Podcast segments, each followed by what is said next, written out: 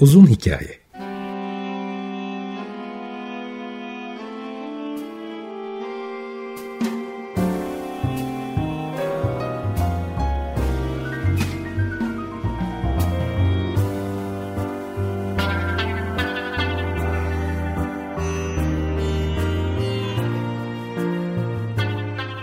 Hazırlayan ve sunan Muzaffer Çorlu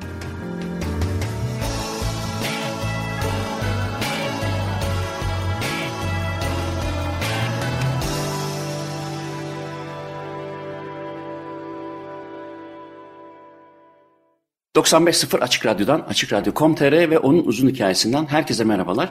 Bugün uzun zamandır konuşmak istediğim, irdelemek istediğim bir konu var.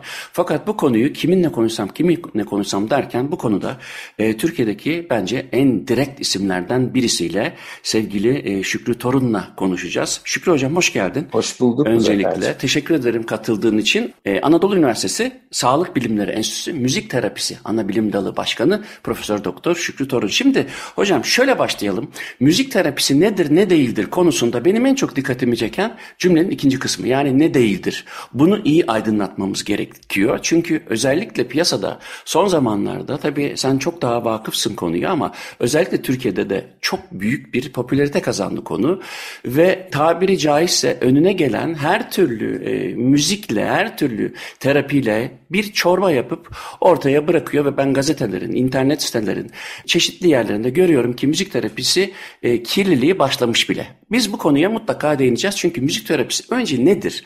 Ne zaman başlamıştır? Neler olmuştur bu e, alanda? Şükrü hocamla beraber tartışacağız. İsterseniz şöyle başlayalım. E, müzik terapisi dendiğinde e, insanların aklına tabii ki e, özellikle psikolojik sağaltım yani terapi, terapötik özelliği olan e, müziğin kullanılması geliyor. Fakat bunu daha ayakları yere basan şekilde birlikte açalım. Ne dersiniz? Siz müzik terapisini nasıl tanımlıyorsunuz? Yani gerçekten e, psikoterapi kökenleri ön planda. O yüzden e, biraz böyle anlaşılıyor ve doğru da anlaşılıyor ama daha yanlış algılar var. E, yani müzik terapisini o da bizim aslında çok değerli olan böyle tarihi kurumsallaşmış e, süreçlerden geliyor. E, biliyorsunuz e, Selçuklu'da, Osmanlı'da şifahanelerde müzik sağlık amaçlı kullanılıyor. Ve muhtemelen, muhtemelen diyorum çünkü çok belirgin yazılı kaynaklar yok e, o konuyla ilgili. Daha çok da ruhsal bozukluklar evreninde kullanılıyordu. Bu anlamda örtüşüyor. Dünyadaki gelişimine, bilimsel bağlamda gelişimine baktığımız zaman da işte İkinci Dünya Savaşı'ndan sonra e, savaştan dönen askerlerin ruhsal travmalarını düzeltmede, onlara iyi hissettirmede daha yapılandırılmış biçimde uygulanmaya başlanıyor Amerika Birleşik Devletleri'nde. E, daha sonra da 50'li yılların sonundan itibaren 70'lerde daha netlik kazanacak şekilde bir disiplin olarak tanımlanıyor. E, aslında bu nedir ne değildir e, meselesi doğal bir karmaşa bir anlamda. E, Bruce Chia'nın büyük bir kitabı var. Biz onu e, bir grup arkadaşla beraber Türkçe'ye kazandırmıştık. Müzik terapiyi tanımlamak kitabın adı. Hı hı. Yani kocaman bir kitap müzik terapiyi tanımlamaya uğraşıyor ki bu alanın duayenlerinden büyük isimlerinden birisi Chia. Ee, neresinden bakarsan oradan kısmen doğrular içeren ama aynı zamanda da tabii yanılgılar e, öneren tanımlamalar çok. Şöyle yapmak en kolayı oluyor. Son yıllarda öyle yapmaya çalışıyorum. Çok kurumsallaşmış e, büyük çatılar var dünyada. Dünya Müzik Terapi Federasyonu, Avrupa Müzik Terapi Konfederasyonu, Amerikan Müzik Terapi Association e, gibi. Onların tabii bu yılların süzgeçlerinden geçerek yaptıkları bilimsel bir tanımlama var. Orada e, yani böyle kitabi tanımlama okumayacağım ama diğerlerinden ayırmak için çok önemli ögeler var. Müzik terapisi birincisi kanıt temelli uygulamaları ve yöntemleri kullanan bir yaklaşım. İkincisi bu konuda müzik terapisine özgü yapılandırılmış eğitimleri tamamlayan ve bulundukları ülkede e, mümkünse evrensel boyutta müzik terapisi yapma konusunda yetkilendirilmiş, yani sertifiye edilmiş ve onaylanmış kişiler tarafından yapılması gerekliliği var. Onun da arkasında nedenlerini zaten konuşacağız. Yani her önüne gelen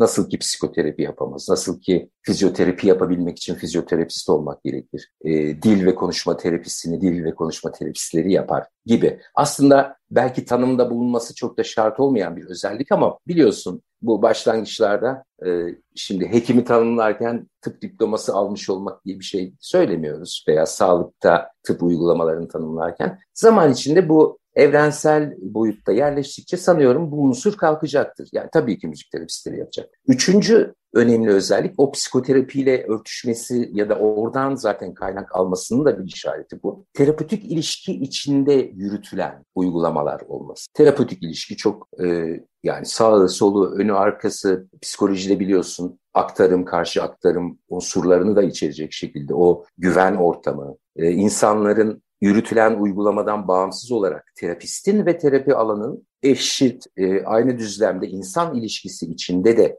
e, bu sürece ortaklık etmesini getiren bir e, özellik terapötik ilişki içinde yürütmek. Ne dedik? Kanıt temelli uygulamalar, e, yetkin ve resmi olarak tanımlanmış müzik terapisti tarafından yapılan uygulamalar ve terapötik ilişki içinde yürütülen uygulamalar. Peki bu ilişki nereye doğru yürütülüyor ya da bu uygulamalar nereye gidiyor? İşte tanımda o da var. E, psikoterapötik boyutta veya e, fizyolojik boyutta, bilişsel boyutta bir terapötik hedefimiz olacak. Ben şunu ele alıyorum ve bunu düzeltmek için bu uygulamaları yapıyorum. Terapötik hedef doğrultusunda kendine e, özgü spesifik yöntemleri, kanıt temelli yöntemleri kullanarak yürütülen bir terapi süreci müzik terapisi. Şimdi e, tabii eski kaynaklarda sizin de söylediğiniz gibi e, şeyde Çin'de özellikle çok da net olmasa da e, bazı uygulamaları görüyoruz ya da e, Mısır'da değil mi eski Mısır'da da e, milattan önce 1500'e tarihlenen bazı e, medikal e, yazıtlarda e, karşımıza çıkıyor. Ama tabii e, sanıyorum 1789'da ilk e, tam kaynağı yani ya, yazarının belli olmadığı anonim bir makale var. Music Physically Considered diye. İlk e, belki metodolojik açıdan daha sağlam gözüken yayın o. Fakat ondan önce e, senin de dediğin gibi hocam aslında e, Edirne'de de sanırım bir hastane e, ya da bir uygulama var Osmanlılar döneminde İkinci Beyazıt Külliyesi e, oradaki evet. şifahane Evet, ee, orada da makamsal orada, müziğin kullanıldığını görüyoruz değil mi? Yani şundan dolayı öyle görüyoruz. Kadrolu müzisyenler var Muzaffer. Evet. 10 tane müzisyen istihdam ediyorlar. Sırf bu iş için oradalar. Ee, aynı şeyde şifahanede cerrahi departman da var. Muhtemelen diğer dahili şeyler de vardı yani. ilaç, bitki tedavisi vesaire gibi. Ve e, müzikle tedavi birimi de var. E, buradaki müzisyenler e, daha müzik terapisi bilim alanında yeni tartışılıyor estetik boyutu. Yeri gelirse gireriz onlara. Hı hı. E, o dönemin usta müzisyenlerinden falan seçiliyor yani. Hı hı. Demek ki oradan da yola çıkarak biraz da anekdotal kanıt denmez ama anekdotal kanıt diyelim. E, hikayelerden ve yazılanlardan hı hı. yola çıkarak şunu öngörüyorum ben. Kendine özgü yöntemleri vardı ama bu yöntemler içinde şu anda müzik terapisinin içinde küçük ama önemli bir kulvarı oluşturan reseptif müzik terapi. Yani e, katılımcının e, müzik deneyimini sadece dinleyici olarak yaşadığı. Aslında biz biliyoruz ki sinir bilimci olarak aslında orada da pasif değil, e, reseptif değil sadece beyninde bir sürü şey olup bitiyor kişinin. E, ama muhtemelen o yöntemi kullanıyorlardı ki iyi müzik yapılsın. İşte o iyi müzikler içinde yine bazı deneyimlere dayandığını tahmin ediyorum. E, şu hastalıklarda şu makam huzur verir. Bu makam ağrıyı azaltır. Kuşluk vakti bunu e, dinletirseniz safra yollarındaki problemler daha kolay halledilir gibi e, söylemler var. E, bunların gerçeklik boyutunda gerçekten deneyimlendiğini düşünüyorum. Ama işte bizim e, sağlık kültürümüzde aslında diğer alanlarda da öyle. Yazıya çok önem vermeyiz ya. Sözde uçar gider. Hani bunlar böyle yazan işte mesela şeyin afaziyi düşünün dil konuşma bozukluğu ile ilgili Paul Braca 1860'larda vakası e, eks olduktan sonra yaptığı e, incelemeyi patoloji raporu halinde yazıyor ve müthiş bir devrim yapıyor. Dilin kökeni beyindir, inferior frontal use studied konuşmanın merkezi diye e, hemen yayınlıyor. E, bizde böyle yayınlar, bilimsel yayınlar e, olmadığı için 1940'lı yıllarda birisi toparlamış bu iş, konuyu ve bir mecmuada yayınlamış. E, Farabi'ye göre, İbn Sina'ya göre böyle bu konuyu açıp baktığınız zaman bir sürü listeler görürüz. Makamlar ve etkileri. Ama bunların bilimsel açıdan test edilmeye ihtiyacı var. Randomize kontrollü çalışmalar hakikaten öyle mi değil mi diye bakmak gerekiyor. Yine e, yeri geldiğinde bahsederim. E, bir çalışma yapmıştım ben mesela makam müziğinin müzik terapi sürecinde kullanılması ile ilgili dinletme değil de. Oraya geleceğiz. E, oraya geleceğiz. E, yani özetle müzik terapisi nedir, ne değildir diye baktığımız zaman, nedir'i tanımladığımız zaman bu e, özellikleri içermeyen, kanıt temelliliği içermeyen, terapötik hedef e, barındırmayan, terapötik ilişkiyi önemsemeyen ve bir süreç oluşturmayan ve yetkin yetkili e, eğitim almış kişiler tarafından yapılmayan diğer uygulamalara diğer diyebiliriz. İzninle burada bir e, hani hard scientific bir yaklaşım daha var. Ondan da bahsedeyim. Tabii tabii. Onu da müzik terapisinden ayırmak gerekiyor çünkü. Literatüre baktığınız zaman sadece Türkçe olan da değil, İngilizce literatürde de aslında müzik terapisi olmayan uygulamaların müzik terapisi başlığı altında sunulduğunu sıkça görüyoruz. Buna cevap olacak belki ya da bunu açıklayacak birazcık. Music medicine diye bir şey var. Hı hı. Uygulama kulvarı var. E, Türkçe'de karşılığını biz işte müzik tıbbı e, diye oluşturmaya çalıştık. Kabul de görüyor galiba. Aslında medicine ilaç anlamına da geliyor biliyorsun. Şifa gibi belki de. Evet şifa. Müziği şifa, müziği ilaç gibi gören bir anlayışın getirdiği bir uygulama alanı. Daha çok sağlık profesyonelleri tarafından yapılıyor. Çünkü e, uygulanan kişi ya da grubun sağlık özelliklerini en iyi onlar biliyor. Hani fizyolojik boyutta da. E, müzik tarafına geçtiğimiz zaman e, giderek düzeliyor ama uygulayıcının seçtiği müzikleri e, kendince yine bazı kanıtlara dayandırarak, örneğin ritmik, e, dinamik müzik parçaları ya da e, eserleri nabzımızı, kan basıncımızı gerçekten fizyolojik boyutta etkiliyor. Bunlara dayanarak e, işte ben kan basıncını yükselteceğim, ben nabzını azaltacağım, daha relaxing müzik e, dinleterek öngörüleriyle uygun e, uygulanabilecek gruplara müzik dinleterek canlı ya da çoğu zaman kayıttan bir playlist oluşturup e, o bekledikleri fizyolojik etkileri ölçen, değerlendiren bir yaklaşım biçimi daha var. Ona da müzik medisin diyoruz. Onun müzik terapisinden farkı ne? E, en önemlisi anlık etkilerden oluşuyor daha çok oluşturmaya çalıştıkları etki. Hı hı. Halbuki terapi bir süreç. Yani başlıyorsunuz ve işte e, danışanın ihtiyacına göre bir seans sayısı planlıyorsunuz, seans içeriklerini planlıyorsunuz. E, her seansta e, amacınıza ne kadar yaklaştığınızı ölçüp değerlendiriyorsunuz. Ondan önce hem medikal, e, yani medikal derken geniş kapsamlı, fiziksel, psikolojik, bilişsel tüm değerlendirmeler hem de müzik terapisine özgü ölçme değerlendirme araçlarıyla yaptığınız değerlendirmeler oluyor. E, o yüzden aslında birçok boyutuyla ayrılıyor müzik terapisi diğer uygulamalardan. Aslında bu çok iyi oldu çünkü müzik medisin, müzik terapi arasındaki farkı yani dediğin gibi en basit anlamıyla anlık etkiler veya süreç içerisinde beklenen değişiklikler. Şimdi evet. biz e, e, Şükrü Torun'la birlikte bir iki hafta önce beraber aynı sempozyumda arka arkaya konuşma fırsatını e, bulduğum için çok taze taze onun o sunumundan bazı şeyler de aktaracağım. Çünkü merak ettiğinizi düşündüğüm bana da çok yazılıyor ama ben bir müzik terapist değilim. Ben bir kognitif müzikoloğum. Dolayısıyla bizim alanımıza e, girse de müzik terapistlik Şükrü Hoca'nın da dediği gibi e, bir sertifikayı gerektiriyor. Yani e, bir özel bir belge olmaksızın yani nasıl diş hekimi varsa müzik terapisti de var. O yüzden ben psikoloğum, müzisyenim aynı zamanda. Dolayısıyla müzik terapisi e, uygularım, yaparım gibi yanlış anlaşılmalara yol açmasın.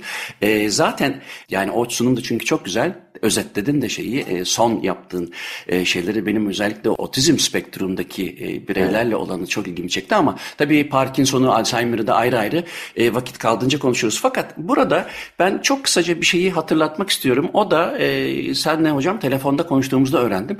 Türkiye'de müzik terapisi eğitimi aslında YÖK'ün de e, onayından geçerek çok yakında bu baharla beraber sizin e, biriminizde başlıyor değil mi? Onu bir e, belirtelim çünkü o konuda bana çok soru geliyor. E, o duyuruyu yapmış olalım. Türkiye'de müzik terapisi yüksek lisansı artık resmi olarak başlıyor değil mi? Bunun da e, evet. siz başlatıyorsunuz. Bunu kısaca bir şey yapalım. E, evet, biraz öncesinden anlatalım. alayım izin verirsen. Lütfen hocam. Yani geçmişten bahsettik tarihsel, historik tarafından. Ama uzun bir ara var. Bu konu hiç gündeme gelmedi Türkiye'de. 70'lerde falan rahmetli Rahmi Oruç Güvenç e, bu konuyu gündeme taşıyor. Daha ritüelist bir yaklaşım. Hani baksı dansı, Orta Asya'da Türklerin müzikle işte e, insan içine giren kötü ruhları çıkartan davulunun daha çok kullanıldığı danslar. O ritüelist e, manzarayı gündeme taşıyor ve çok başarılı bir şekilde bunu Türkiye'de ve e, yurt dışında da tanıtıyor. Bu ilk aslında günümüze yaklaşırken konunun gündeme girmesinde önemli bir şey kilometre taşı.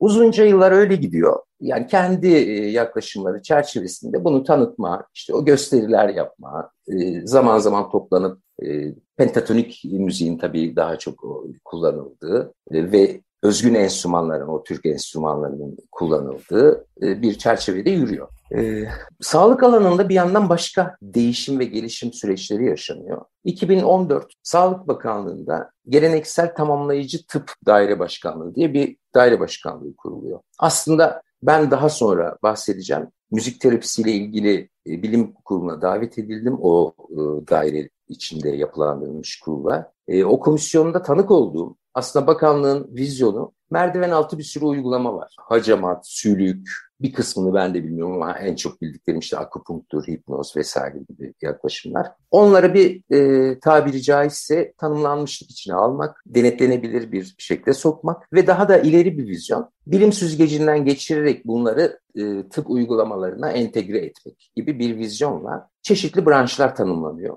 Ben o e, tanımlamalar içinde yoktum. Müzik terapisi de geleneksel tamamlayıcı tıp uygulamaları içinde bir yasal zemin buluyor aslında. Yönetmelikleri ve mevzuat yayınlanacak. E, ona bağlı olarak da her branşta olduğu gibi mesela akupunkturu kim yapacak? Bunun sertifikasyon eğitimi nasıl olmalı gibi çalışmalar yapılıyor. Bu müzik terapisi içinde yapılıyor ve bir müfredat oluşturulup işte kaç saat teorik, kaç saat pratik güzel bir çalışma ama içerik olarak az önce başlangıçta tanımladığımız müzik terapisinden farklı yönler içeren ve de en önemlisi uygulama boyutu çok önemli müzik terapisinde. Staj yapmak, uygulamalar yapmak, e, süpervizyon çok çok değerli olması gereken şey. Bunları içermeyen iyi niyetli ama yetersiz bir sertifika programı oluşturuluyor. 2017'de 2016'dan e, itibaren bu devreye giriyor. 2017'de ben dahil olduğumda işte yurt dışında müzik terapisi yüksek lisansı yapmış bir iki arkadaş konuya bilimsel bakan Amerika'da bulunmuş ve gerçekten bilimsel müzik terapisini tanıyan birkaç arkadaşla birlikte e,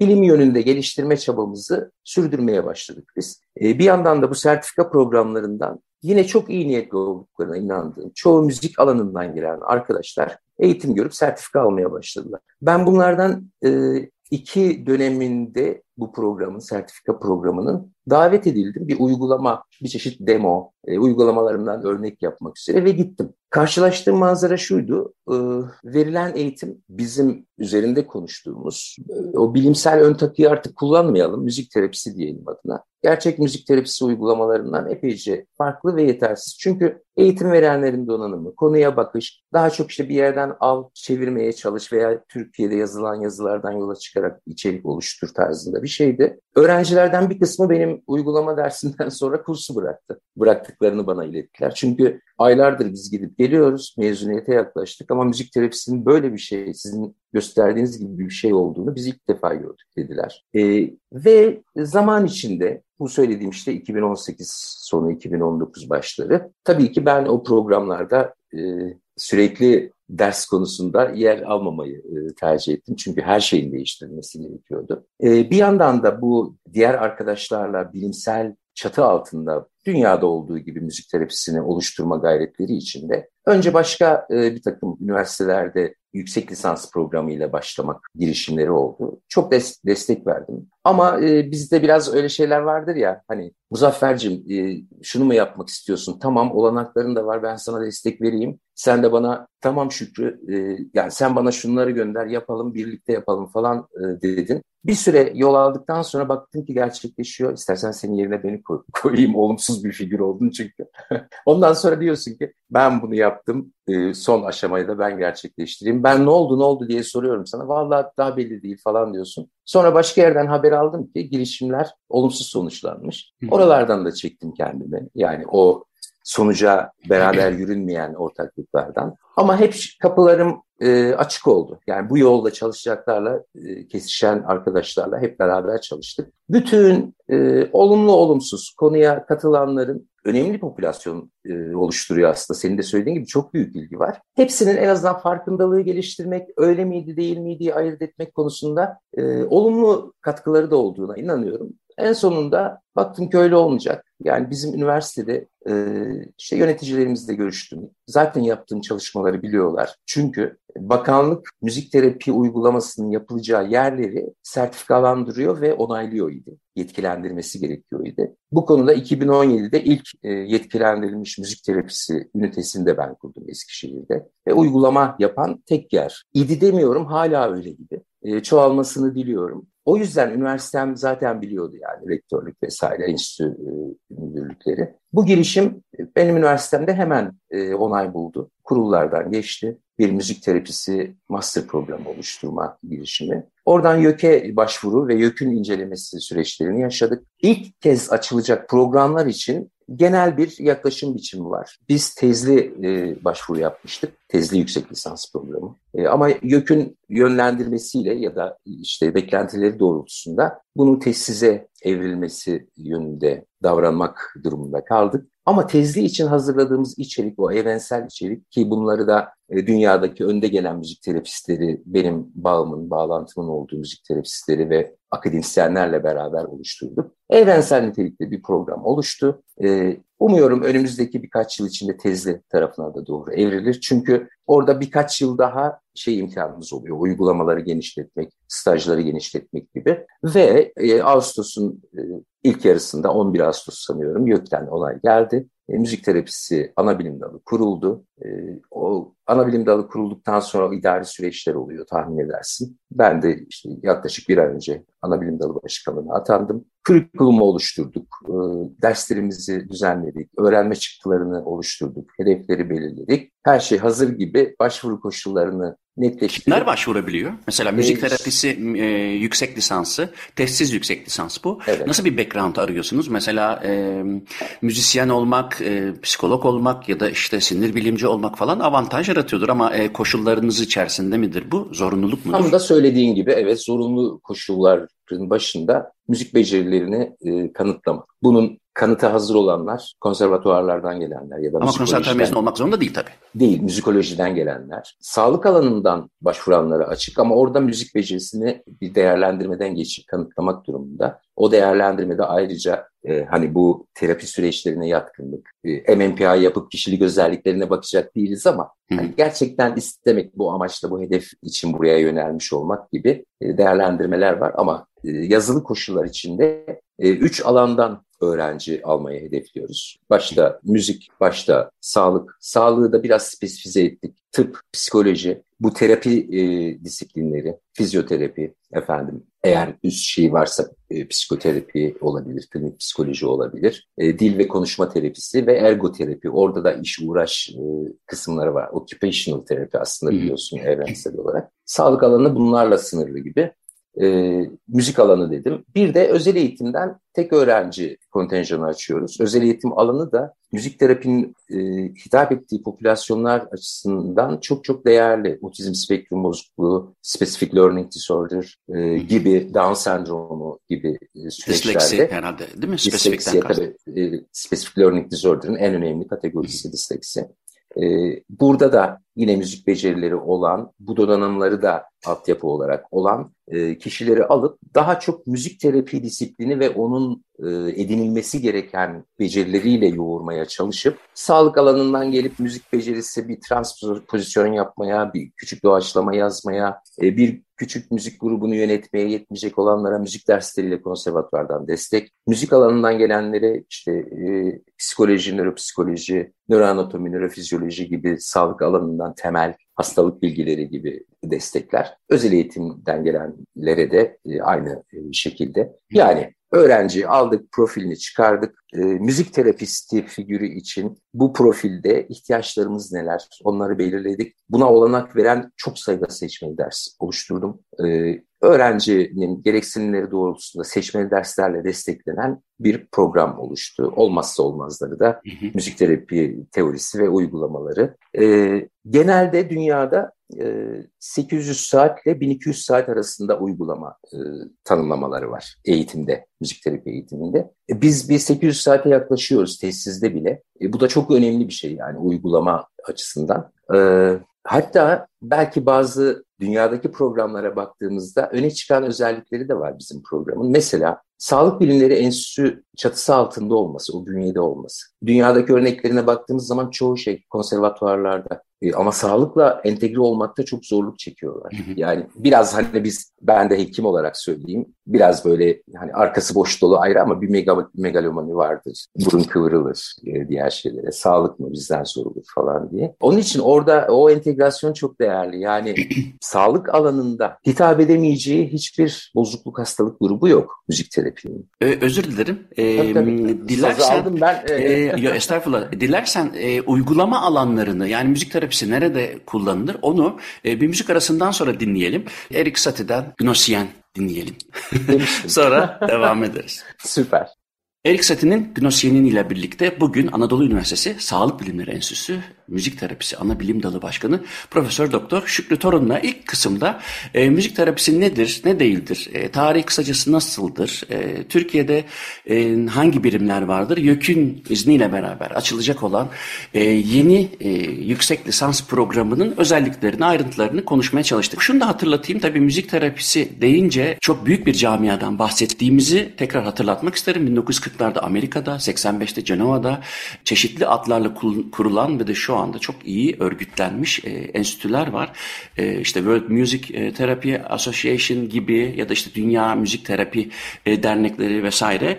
Özellikle 1940'lardan sonra e, büyük bir e, önem arz ediyor bunlar. İkinci Dünya Savaşı'nda mütakip zaten e, çeşitli ülkelerde Avrupa, Amerika, İngiltere başta olmak üzere çok fazla kurumsallaştı. Şimdi Türkiye'de de kurumsallaşma yolunda 70'lerde başlamış ama şimdi büyük bir ivme kazanmış. Şükrü Torun sayesinde de e, artık bilimsel temelleri olan bir bölüm bölümden, bir birimden bahsediyoruz. İkinci bölümde bu müzik terapisi ne menen bir şeydirin uygulama alanlarına geçelim. Çünkü e, sağlık deyince tabii ki şimdi e, müzikle o kadar çok iç içe bir konudan bahsediyoruz ki 35 bin yıllık ila 70 bin yıllık olduğu ileri sürülen e, bir Neandertal flütünden bahsediyoruz. Dolayısıyla insanların, insansıların 50 bin yıllık e, müzikle yolculuğunda kendilerini, duygularını ifade etmede müziği hep bir e, yan e, en iyi arkadaş olarak kullanmış bir türden bahsediyoruz. Gerçi hayvanlarda da konuşulabilir ama biz insanlarla sınırlandıralım. Dolayısıyla e, Pitagoras'tan Aristoteles'e, Platon'a kadar e, müziğin, ritmin ve melodinin insanların ruhunda, sağlığında nasıl değişiklikler yapıldığı ortaya konmuş. Biraz önce Şükrü Hocam da müzik terapisiyle müzik medisinin birbirinden ayırdığı e, ve e, kısa dönemli etkileriyle uzun dönemli etkilerini de birbirinden ayırdı. Fakat şu noktaya geldik ve durduk. O da şu. Müzik terapisi hangi hastalıklarda, hangi sağlık koşullarında ve nasıl kullanılır? E, gerçekten de ilginizi çekeceğini düşünüyorum. Çünkü e, cidden konu e, giderek daha da bilimsel olarak e, ayakları yere bastığı için tüm dünyanın şu anda ilgisini çekiyor. Hocam sosyal e, boyutu ya da bireysel boyutu tamamen size bırakıyorum ama e, müzik terapisinin kullanım alanlarını tek tek irdeleyelim. Çok güzel bir şey işaret ettin Muzaffer'cim. Neandertallerde flüt üretimi. Müzik yapmak için flüt üretmişler. Yani 50 bin yıl. Almanya, Slovenya birçok yerde sahip evet. çıkıyor. Vardı hakikaten bulundu da. Hatta Darwin'e kadar gidersek bilirsin Darwin'in ünlü lafını. Hani tekrar bir yaşasaydım e, bu müzik, müzikle çok evet. uğraşırdım diye. Arkasında muhtemelen nöroplastisteyi anlaması yatıyordu. Yani evet. e, nöroplastisite açısından çok önemli bir uyaran, müzik uyaranı. Nöroplastisite mekanizmalarını uyarması açısından. Nöroplastisite aslında nano boyuttan makro boyuta kadar tüm nöral sistemleri düşünün. Yani nöronun bağlantılarından bir beyin alanındaki nöron sayısına kadar daha çok bağlantısal olmak üzere değişebilirliği tanımlıyor aslında. Yeniden bağlantısal organizasyona yatkınlığını tanımlıyor. Ee, aslında hem olumlu yöndeki değişiklikleri hem olumsuz yöndeki değişiklikleri içeren bir kavram. Yani bir hastalık veya hasardan dolayı beynimizde bir e, problem oluştu. E, o problemin oluştuğu yerdeki nöronların bağlantılarının diğer nöronlardan kopması, başka yere rastlantısal ya da yönlendirilmiş olarak bağlanması bir nöroplastisite süreci. Sinaptik nöroplastisite diyoruz buna. E, beyinde e, klasik bilgi hani nöron çoğalmaz, e, neogenezis yoktur diye bilinir ama biliyoruz ki hipokampusta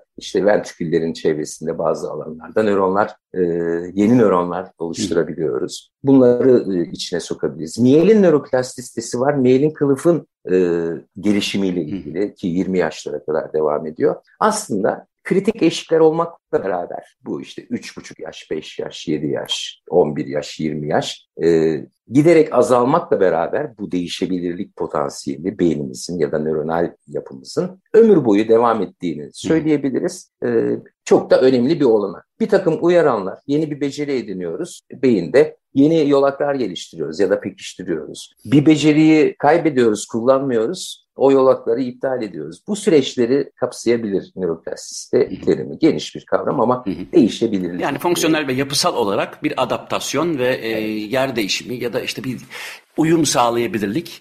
Bence önemli olan şey e, tabii ki küçük yaşlarda bu e, proporsiyonel olarak daha fazla olsa da hiçbir zaman durmayan bir e, evet. değişimden bahsediyoruz. Dolayısıyla ben geç müziğe geç başladım, erken başladım.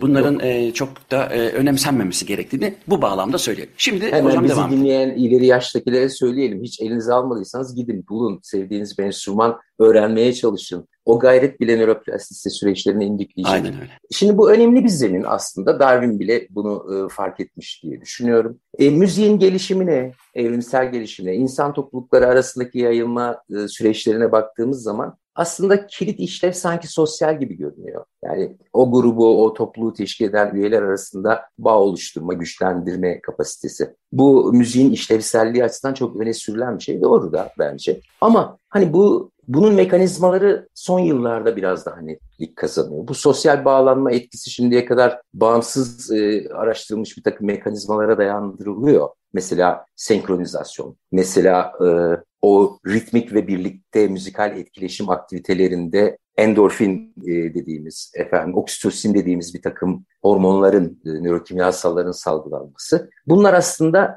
bir çeşit müzik terapisi uygulamalarının dayandığı e, fizyolojik, nörofizyolojik temelleri de yapılandırıyor bir yandan. Ama daha da önemlisi bu fonksiyonel ve yapısal bağlantısal beyin network organizasyonu konusundaki öğrendiklerimiz, bu konuda üretilen bilgiler, müziği oluşturan tüm komponentlerin hem ayrı ayrı hem de bütüncül olarak, müzik olarak bu networkler üzerinde çok önemli etkileri olduğunu biliyoruz artık. Bunlar ortaya konulmuş durumda.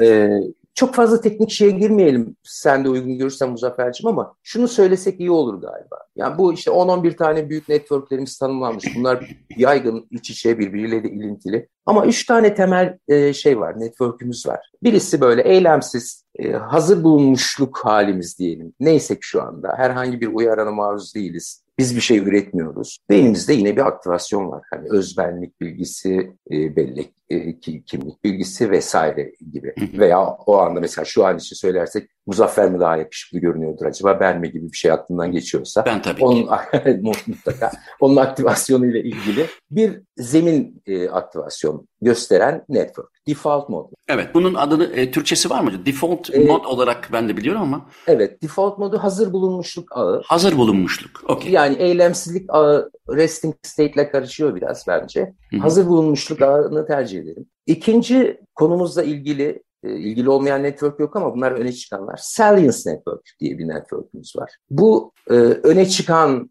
e, ya da öne çıkanı algılama ağı mı diyelim beraber oluşturalım. Böyle açıklayarak karşılık oluşturuyoruz. Hı hı. Belirginlik ağı diyebiliriz belki. Hı hı. bir uyaran geldiği zaman herhangi bir modalitede bu uyaranı algılayıp default modda e, bir e, onu fonksiyona doğru hazırlayan bir bağlantısallık geliştiren arayüz gibi düşünelim Service Network. Bir de tabii Executive Network var. Ee, yani işte yürütme ile ilgili, fonksiyonları yürütme ile ilgili. Şimdi bu Service Network tabii çevresel uyaranı algılamak ve yürütücü ve hazır bulunmuşluk ağlarıyla bir nöroplastisite e, kuralları içinde aktivasyon oluşturmak, bağı harekete geçirmek gibi bir rol aldığına göre Silence Network'ü en fazla, en güçlü etkileyen uyaranlar neler olabilir diye bireysellik özelliklerini bir yana bırakırsak genel olarak müzik orada çok güçlü bir uyaran. Yani çünkü müzik sadece işitsel bir uyaran değil. Yani sadece ses değil müzik. İçinde e, bizim beynimizdeki işte duygu durumumuzu yöneten sistemlerle, belleğimizi yöneten sistemlerle, dil konuşma becerilerimizi yürüten sistemlerle e, ve bunların nöral işlemcileriyle hemen etkileşime girebilen unsurlar taşıyor. E, belki bunların içinde emosyon en önemlisi. Bellek yine önemlisi. Çok da ayırt edemiyorum. Silence Network'e müzikal uyaran geldiği zaman default mod e, kendi hazır bulunmuşluk durumundan artık eyleme geçecek e, alanlarla bağlantı oluşturup o benle ben çerçevesinde o eylemi, o fonksiyonu gerçekleştirme süreçlerini e, başlatmış oluyor. Müziğin Silence Network üzerindeki bu etkisi, Silence Network'ün işitme sistemleriyle az önce söylediğim gibi diğer sistemlerle bağlantıları olduğunu hemen çıkarsayabilir e, bizi dinleyenler zaten arayüz diye düşündük. E, bu bir avantaj. Yani müziğin beyin networklerini fonksiyona doğru harekete geçirme gücünün olması. Bu el, elde var bir müzik terapisi uygulamaları için. E başka insan doğuştan hazır zaten dil gibi beyin olarak müzik e, algılamaya, müzik üretmeye, altyapı olarak beceri geliştirdiğimiz sürece e, bunları işte müzisyen oluyoruz, e, virtüöz oluyoruz veya dinleyici oluyoruz. O yelpazede biçimleniyoruz ama herkesin müzikle bir ilgisi var. Bu bir avantaj. Çok önemli bir şey daha var. Bu network organizasyonu içinde ortak işlemciler var. Yani daha e, bölüm olarak düşünelim. Mesela ölçümleme, zamanlama, timing. E bunun ritimle ilgili olduğunu hemen e, böyle zihnimizin e, üstüne doğru çıkartmamız mümkün. Yürüme ile ilgili olabileceğini hemen kabul edebiliriz. Konuşma ile ilgili olabileceğini. Yani şunu demek istiyorum. Bazal ganglia sistemi diye bir sistem korteksle beraber, cerebellumla beraber bir hareket sistemi oluşturuyor ise bu hareket sisteminin içinde zaman, timing, e, ritim belli bir süre içindeki e, belli birim sayısı diyelim vuruş denesek bile konuşmamızın, yürümemizin hatta diğer motor davranışlarımızın bir ritmi var. Müzikteki ritim işlemcileriyle müzik dışı diğer fonksiyonlardaki e, bu ritimle ilgili işlemciler ortak işlemciler aslında.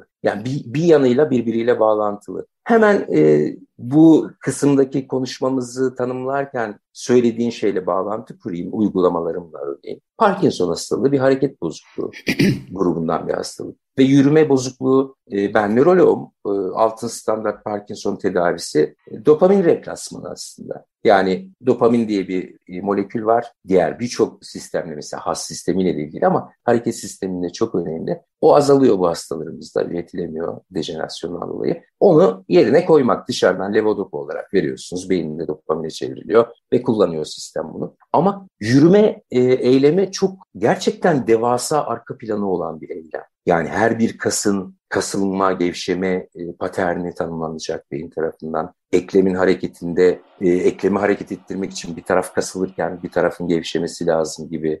E, adımın uzunluğunu ayarlamak, ayağın ne kadar yükseğe kalkacağını, bu arada dengeyi korumak, bu arada varsa çevresel uyaranlar olumlu ya da olumsuz, belki bir takım tehditlerden kaçınmak, belki istediğimiz bir tarafa doğru yönelmek ya da ani gelen bir şeyden dolayı yön değiştirmek. Çok uzatmak istemiyorum ama e, geniş bir eylem. Parkinson hastalığının tedavisinde e, ilaca yanıtı yanıtında en zorlandığımız şeylerden bir tanesi. Ama e, Michael Taut'un oluşturduğu bir nörolojik müzik terapi diye onun kurduğu bir üst disiplin gibi müzik terapisinde düşünün. E, bizim bu konuştuğumuz sinir bilim arka planına yaslanıyor epeyce. E, ritmik işitsel stimülasyon, rhythmic auditory stimulation diye bir yöntem var. Klik yön e, sesiyle veya metronom sesiyle yürüyüşü eşlemeye dayanan bir e, terapi yaklaşım. Parkinson hastaya diyorsunuz ki adımlarını buradan gelecek ritme göre ayarla. E, benim kendi yaklaşımım olarak geliştirmeye çalıştığım nörokreatif müzik terapi yaklaşımı diye bir eklektik ama fenomenolojiyi çok önemseyen yani bir e, bu boyutu belki yeni bir yaklaşım var. Orada bunları sadece klik ya da metronom sesi olarak değil de e, işin içine frontalde girsin, işin içine emosyonel sistemlerle emosyonel kreativite döngüsü girsin diye eklediğim bazı e, unsurlarla Michael Taut'un bu yaklaşımını, bu yöntemini melodik, ritmik, e, bireyselleştirilmiş stimülasyonla yürüme çalışması diye adapte edip onu da işte bu yılın başlarında yayınlandı. Somatosensory and Motor Research'te yayınlandı. Ciddi bir dergi bilirsin belki. Parkinson hastalarının bu ortak e, işlemcileri kullanarak ve bir çeşit e, ipucu gibi değerlendirip bu sistem üzerine etki eden bir ipucu gibi kullanımını kolaylaştıran ve yürümelerine bu ipucu öncülüğünde ölçü veren, hız veren, hızını değiştiren bir yaklaşım ve ilaçla alamadığımız sonuçları gerçekten görüyoruz Parkinson hastalığındaki yürüme bozukluğunda. E, bu müzik terapisi için çok böyle keskin söylemler üretenler de var tersi yönde olduğu gibi. Hani her derde de vardır, her şeyi hallederiz. Abi sen bize gel, gerisini bize bırak gibi. Böyle bir şey yok tabii. Yani altın standart nörolojik tedavi, ilaç tedavisi, gerekiyor ise deep brain stimulation gibi e, cerrahi yaklaşımları da içeren tedaviler ama önemli bir rehabilitasyon desteği, önemli bir insan hayatına dokunan uygulama olarak müzik terapisinin de e, böyle faydaları var. Burada bir şey soracağım. Parkinson'la ilgili e, sadece klikle yani bir tempoyla e, o tempoya e, senkronize olma için üretilen egzekutif motor faaliyetleriyle beraber belki yürümede bir motivasyon oluşturulabilir. Ama senin yönteminde sen dedin ki bir de e, ben biraz daha farklı bölgelerde e, harekete geçsin diye evet. frontal kortekste ya da işte belki de e, tüm limbik sistemde işin içine emosyonu da ve kişiye göre belirlenmiş o kişinin belki tercih edeceği bir tıktan ziyade bir klikten ziyade müziği tercih ediyorum. Evet dedin. Bunu yapma amacın neydi? Daha çok yani e, daha fazla beyin bölgesinin aktive olmasını hedefleyerek neyi amaçladın tam olarak? Orayı çok merak ettim. Aslında şey hareket sistemi tam da benim bu yaklaşıma katmak istediğim ya da kattığım unsurları içeriyor aslında. Yani o ritmik auditory stimulation yöntemi Taut'un belki biraz bunları dışarıda bırakmıştı. Ne demek istiyorum? Ee, yani kendi yürüyüşünü düşün lütfen. Parkta başka türlü yürüyorsun. Alışveriş merkezinde başka türlü yürüyorsun. Çok sevdiğin bir arkadaşınla muhabbete dalmış yürürken başka türlü yürüyorsun. Öyle değil mi? Yani fix bir yürüyüşümüz Tabii. yok. Dolayısıyla işin fenomenolojik boyutu orada zaten önem kazanıyor. Yani o kişinin o yürüme çalışmasına bile nasıl baktığı ya da yürümeden ne anladığı ya da hani en çok da hangi e, yürümeleri özlediği, istediği, beklentilerinin ne olduğu buralardan çıkıyor. Bunlara baktığımız zaman emosyonel boyutu mutlaka oluyor. Medial e, prefrontal korteks çok önemli. Onlarla bağlantı kurmadan, frontalle bağlantı kurmadan sadece bazal ganglia'ya hitap eden bir klik ya da metronom sesiyle en başta o yüzden birazcık abartarak anlattım hani yürüme ne kadar geniş bir e, fonksiyon diye. Hı hı. Bütün o fonksiyonu bütüncüle yakın ya da olabildiğince geniş etkilemek mümkün olmuyor. Sadece belki timingi e, düzenliyorsunuz. E, ama onu provoke edecek madem network organizasyonu içinde çalışıyor beynimiz, izole merkezler yürütmüyor bizi. Evet orada öne çıkan alanlar, e, yolaklar var ama diğerlerinin burayı destekleyecek şekilde işin içine katılmasını sağlamaya yönelik. Yani benim katmaya çalıştığım şey. Anladım. Benim en çok duyduğum, en ilgiyi uyandıran alan depresyondan hatta bipolar bozukluğa kadar müzik terapisinden yararlanma arzusu, isteği var. Şu anda mesela depresyon üzerine ya da bu duygu durum çeşitli duygu durumlar üzerine yapılan çalışmalar var. Müzik, müzik terapisi konusunda. Bir bunu soracağım. Bir de başında da söyledin bu kişiden kişiye değişir. Dolayısıyla kültürel e, background'u, kişinin istekleri umursanmadan şu müzik şuna iyi gelir zaten demek mümkün değil. Evet. Dolayısıyla hem bireyselleştirilmiş müzik seçiminden bahsedelim ama konuyu mümkünse duygu durum, depresyon gibi daha popülerize olmuş konularla müzik terapisinin ilişkisini kurmaya çalışalım. Tabii. Bir müzik terapisti her hastalığa, her bozukluğa mükemmel şekilde yaklaşır bilgisi yanlış. Müzik terapisi her bozukluk, her hastalık, her e, gereksinim grubuna yararlı olur söylemi doğru. Şunu demek istiyorum. Psikoterapi konusunda donanımı olan, Evet bazı programlar e, aynen diğer ekollerde olduğu gibi, diğer branşlarda olduğu gibi müzik terapisinde de mesela ben e, nörobilim perspektifinden, işte bağlantısal beyin network organizasyonu perspektifinden, nöroplastisteyi önemseyen, e, benim e, belki biraz öne çıkarmak istediğim fenomenoloji, zaman içinde mümkünse nörofenomenoloji, e, hani diğer objektif yöntemlerle de desteklenen tarafında içeren e, bir takım ekoller oluşuyor. Müzik psikoterapisi bu anlamda çok önemli bir kul. Ve bu donanımı olmayan müzik terapistleri tarafından depresyon, anksiyete, bipolar bozukluk, şizofreni çok önemli bir e, grup. Bunlarla çalışılmasının doğru olmadığını düşünüyorum. Yani o bilgilere hakim olmak, o bozuklukların arka planında ne olup bittiğini, psikolojisini, e, nöropsikolojisini bilmek şart diye düşünüyorum. Bir örnek vereyim. E, şizofreni grubuyla çalışıyor. Zaman farkındalığı çalışıyor. Zaman mekan farkındalığı çalışıyor. E, ama çalıştığı grup 24 kişilik bir şizofreni grubu. Onlarla hele müzik terapisi grup müzik terapisi çalışmasında 5 kişiyi 6 kişiyi aştığınız zaman hele şizofreni gibi bir e, durumda e, grup içi etkileşimleri hiç göz ardı edemezsiniz. Efektiflik, yararlı olmak bir yana hani ben neleri karıştırabilirim, nelere zararlı olabilirim, e, zaman mekan algısına odaklanarak bunları yaparken benlik algısını ne hale sokarım e, bunları göz ardı etmiş oluyor. Çok basitçe söylüyorum. E, dolayısıyla e, belki bir numaralı cevap şu müziği dinletirsek depresyonunuzdan kurtulursunuz. Relaxing müzik dinleyin, ferahlarsınız. Ama tedavi başka bir şey. Depresyon tedavisi, depresyon terapisi, psikoterapisi. E, başta da müzik terapisi için konuştuğumuz gibi bir süreç ve bir hedef var ve bir sağaltım amacı var sonucunda. O anlık rahatlamalar, kendini iyi hissetmeler. Oh bir ferahladım, 3 aydır depresyondaydım, yüzüm gülmüyordu. Antidepresanlar da kullanıyorum ama hiç kendimi bu kadar iyi hissetmemiştim. Çok teşekkür ederim dedi gitti hastamız. Bu onun depresyondan sıyrıldığını, kurtulduğunu göstermiyor. Bunlar anlık etki. Buna işaret edelim.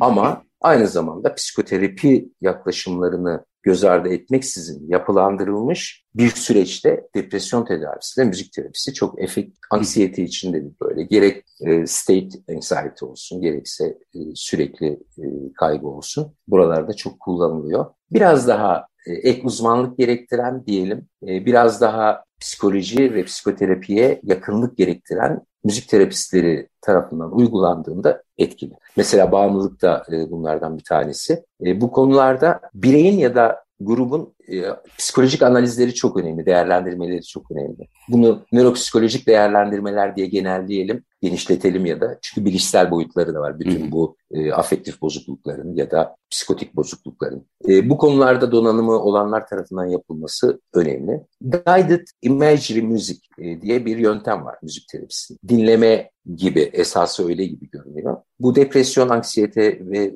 bahsettiğimiz diğer bozukluklarda çok kullanılan bir yöntem. Çok basitçe müziği dinledik ve onun bir etkisini gördük gibi değil. Nasıl? Bir playlist var. Mümkünse e, ihtiyacı olanla beraber oluşturuyoruz o playlisti. Ve seçtiği bir müziği o günkü ruh haline göre mesela bir, bir e, şarkı seçti. Sözsüz olması tercih ama sözlü de olabilir hastanın tercihi öyleyse. Aslında orada terapistin yaptığı şey o müzikle kurduğu ilişkiyi gözlemlemek dinlerken. Dinlerken belki e, afektiyle ilgili ipuçları sergiliyor ise beden duruşu, yüz, mimik e, bunları kaçırmamak ve ardından tabii üzerinde sözel boyutta da paylaşmak. Yani ne hissettin, neden hissettin? Sen bu e, şarkıyı ilk defa ne zaman dinlemiştin? Ya da bu e, eserin şuradaki yükselişi dinlerken sana ne hissettirdi? Bunu hayatında e, hangi alanlarla bağdaştırabilirsin? Böyle hani ardarda arda sorulan sorular değil, sen beni gayet iyi anlıyorsundur. O e, terapi görüşmeleri içinde aralara yedirilmiş, üzerinde sohbet edilen konular e, oluyor bu. Ve aslında amaç e, ya bireyi bunlarla yüzleştirmek veya bunları sönümlendirmesine yardımcı olmak veya işte e, karşısına alıp enine boyuna didikleyip artık hani onun yaşamında önemli bir unsur olmaktan çıkartıp bir kenara koymak gibi psikoterapetik hedefler olabilir. E, psikiyatride kullanımı daha çok böyle. Bağımlılık için e, vurgu gerektiren bir şey. Washout periyodunda bu müdahalelerin yapılması çok önemli. Yani bir yandan madde e, kullanımı devam ediyor iken bazen riskli olabiliyor müzik terapisi e, yaklaşımları çok bilinçli yapılmazsa. Oraya özel bir vurgu yapmış olalım.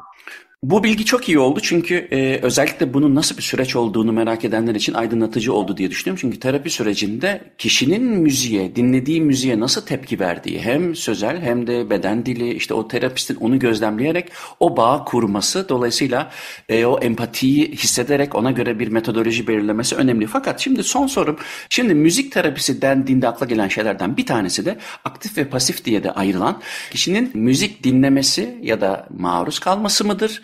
A, B bizzat kendisinin de e, terapistle beraber yapması mıdır? Yani aktif olarak e, müziğin içinde yer almak, bir şeyler çalmak mı, dinlemek mi? Bunların farkını konuşarak toparlayalım. Şimdi iki tane büyük kategori düşünürsek müzik terapisi uygulamaları için. Aktif müzik terapi hani Türkçe'de alıcı müzik terapi demek lazım ama pasif biraz yanıltıcı oluyor diye ikisini birden söyleyeyim. Hı-hı. Pasif müzik terapi ya da reseptif müzik terapi. E, metotlar, yöntemler bu iki büyük çatı altında toplanıyor. Aslında pasifi kısmen söyledik ama orada da aslında danışan aktif. Yani sürecin içinde müzik üzerine sohbet etmek, müzikle ilgili duygularını paylaşmak e, vesaire gibi. Aktiflik o zaman biraz daha hayal edilebilir oluyor. Ben onu şöyle söylemeyi tercih ediyorum. Müziği bizzat deneyimlemek aktif müzik terapide. Yani müzikal evreni oluşturmada, sürdürmede veya sonlandırmada bir pay sahibi olmak. Şu kadar ya da bu kadar. E, aktif olarak sürecin içinde yer almak. O müzikal evren e, sürekli bulunmak zorunda olan bir evren değil. Yani bir yerde devamlı müzik yapıyoruz, öyle müzik terapi yapıyoruz değil. Ama mesela bir doğaçlama yönteminden söz edelim. E, doğaçlama birçok özellik barındırıyor. Gerçekten başka programlarda umarım bunları tek tek böyle konuşma imkanımız olur. Ee, bir defa yaratım var işin içinde. Kişinin kendini ortaya koyması var. Ee, grupsa eğer başkalarının algısı, grup dengeleri var. Öne çıkmak, paylaşmak, beraber yürümek, aynı hedef doğrultusunda ortak dikkat sergilemek gibi. Ama doğaçlama eyleminde olmazsa olmaz bir şey kişinin o doğaçlama sürecine katılması. Bunu basitçe elde e, kullanılabilir vurmalı enstrümanlar kullanarak yapabilir. Enstrüman bilgisi varsa bir müzik aletiyle yapabilir. Vokal olarak yapabilir. Ama o sürecin içinde aktif olarak müziği deneyimlemek e, diyebiliriz aktif müzik terapisi için. E, o deneyimleme süreci yine o müzik terapi seans planlaması ya da uzun vadeli terapötik hedefe giden e, süreci planlama içinde bütün bunları esneklikler içerecek şekilde tanımlamak durumunda o bireye özgü ya da gruba özgü olarak. Başka bir aktif müzik terapi yöntemini söylemek belki yine fikrimizi genişletecek bu konuya bakışımızı. Ee, şarkı yazma. Buralarda bir soru geliyor. Şarkı yazma, doğaçlama yapma. Bu yani herkes müzik bilgisine sahip olabilir mi? Müzik bilmeyenler hiç müzik üretmemiş olanlar ne yapacak diye. Böyle bir bilgi gerekmiyor. Böyle bir background gerekmiyor bunları yapabilmek için. Hı hı. Yani istemesi, eşlik etme ve sürece dahil olma davranışını göstermesi e, geri kalanı müzik terapisinin marifetine hani onu katma marifetine bağlı olmak üzere ona o müziğe katkıda bulunduğu, o müzikal evrene katkıda bulunduğu hissini verecek kadar e, bir aktiflik kazandırmak. E, şarkı yazma çalışmasında söz yazabilir hasta ya da danışan.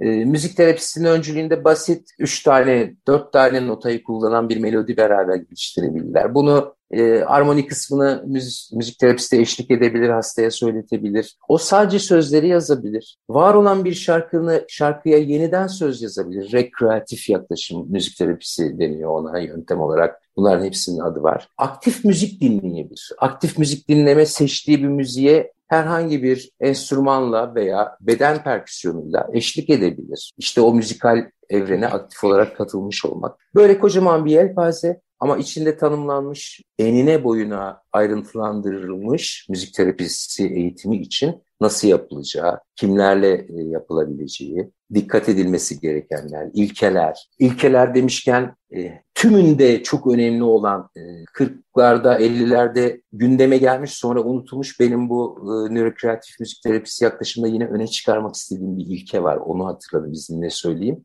Çünkü aktif müzik terapisinde de çok önemli. E, ISO principle deniyor. ISO principle, e, eşlenme ilkesi diyorum ben ona. Yani bireyle fiziksel, e, ruhsal, e, o anlık durumunda buluşmayı gerektiren bir ilke aslında. Yani çok neşeli, canlı birisine böyle gayet durağan, e, gevşek, belki huzur size göre, müzik terapisine göre verici de olsa bir müzikal evren oluşturup orada yürümeye çalışırsanız birey orada olamayacaktır zaten. Yani önce onunla bir buluşup istediğiniz ya da gereken yere doğru onu çekme e, davranışı göstermeniz gerekiyor. Veya tersi çok e, bu da bu, önemli bir yanılgıç sık karşılaştığım depresyon tedavi edecek veya kaygı. E, mümkün olan en ritmik, en canlı, en hareketli e, müzik parçalarından bir playlist yapıp hadi şimdi bunları dinleyin. Aktif katacaksa hadi şimdi bunlara eşlik edelim gibi hastaya yaklaştığı zaman o buluşma gerçekleşmiyor. Hı hı. O yanlış bakışın arkasında yatan ne? Bu hüzünlü durumu ben neşeli bir e, evren oluşturup ortadan kaldırayım, canlandırayım, neşelendireyim. Öyle olmuyor. Hatta şunlar oluyor yani herkesin göbek attığı oyun havalarından bir tanesi diyelim bizim kültürümüzü düşünelim. Birisi için hüngür hüngür ağladığı ve yani yırtındığı bir e, durum oluşturabilir. Yani belki de o oyun havası çalarken annesi oynuyordu ve kalp krizi geçirdi, vefat etti. Bilemeyiz ki. Yani bu da analizin önemini, bireyselleştirmenin önemini tekrar vurguluyor. Özetle aktif müzik terapisi ve reseptif müzik terapisi kendine özgü yaklaşım içerikleri olan ama hı hı.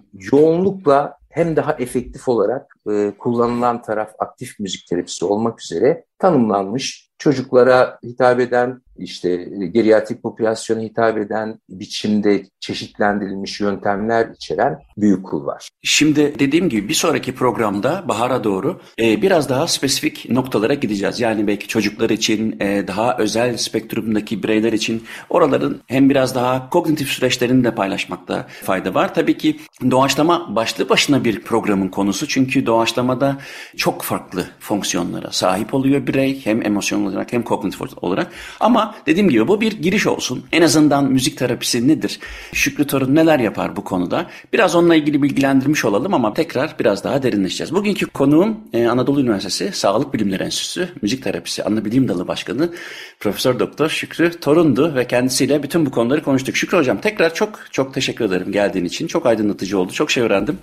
Muzaffer'cim ben çok teşekkür ediyorum. Bir dahaki programda böyle bir teaser olsun. Otizm spektrum bozukluğu da çeşitli uygulamalar var biliyorsunuz. Müdahaleler Hı. var. Ve Hı. bunlar kanıt temelli müdahaleler diye böyle listeleniyor dünyada bu konuda önde gelen Hı. büyük uluslararası derneklerdeki çalışmalar sonucunda. Geçtiğimiz yıl müzik terapisi otizm spektrum bozukluğuna yönelik kanıt temelli müdahaleler listesine girdi. Yani gönül rahatlığıyla bu çok önemli gruba hizmet veren e, önemli bir uygulama alanında müzik terapisi oldu. Hı hı. Böyle bir güçlü gelişimi var müzik terapisinin. Hem müzik terapisine hem bana yer verdiğin için çok teşekkür ediyorum. Benim için mutluluk vericiydi. Şükrü Hocam tekrar teşekkür ederim ve bana ulaşmak için Muzaffer Coğlu Gmail adresine yazabilirsiniz. Açık Radyo bu programın tekrarını Spotify'a ben de görüntülü olarak YouTube'a koyuyorum. Haftaya görüşürüz. Hepinize günaydın.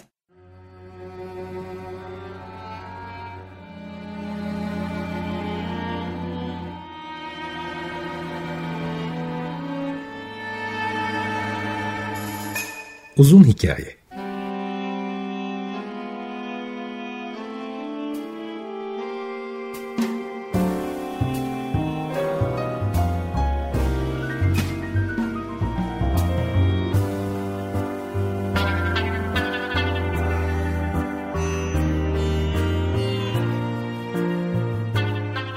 Hazırlayan ve sunan Muzaffer Çorlu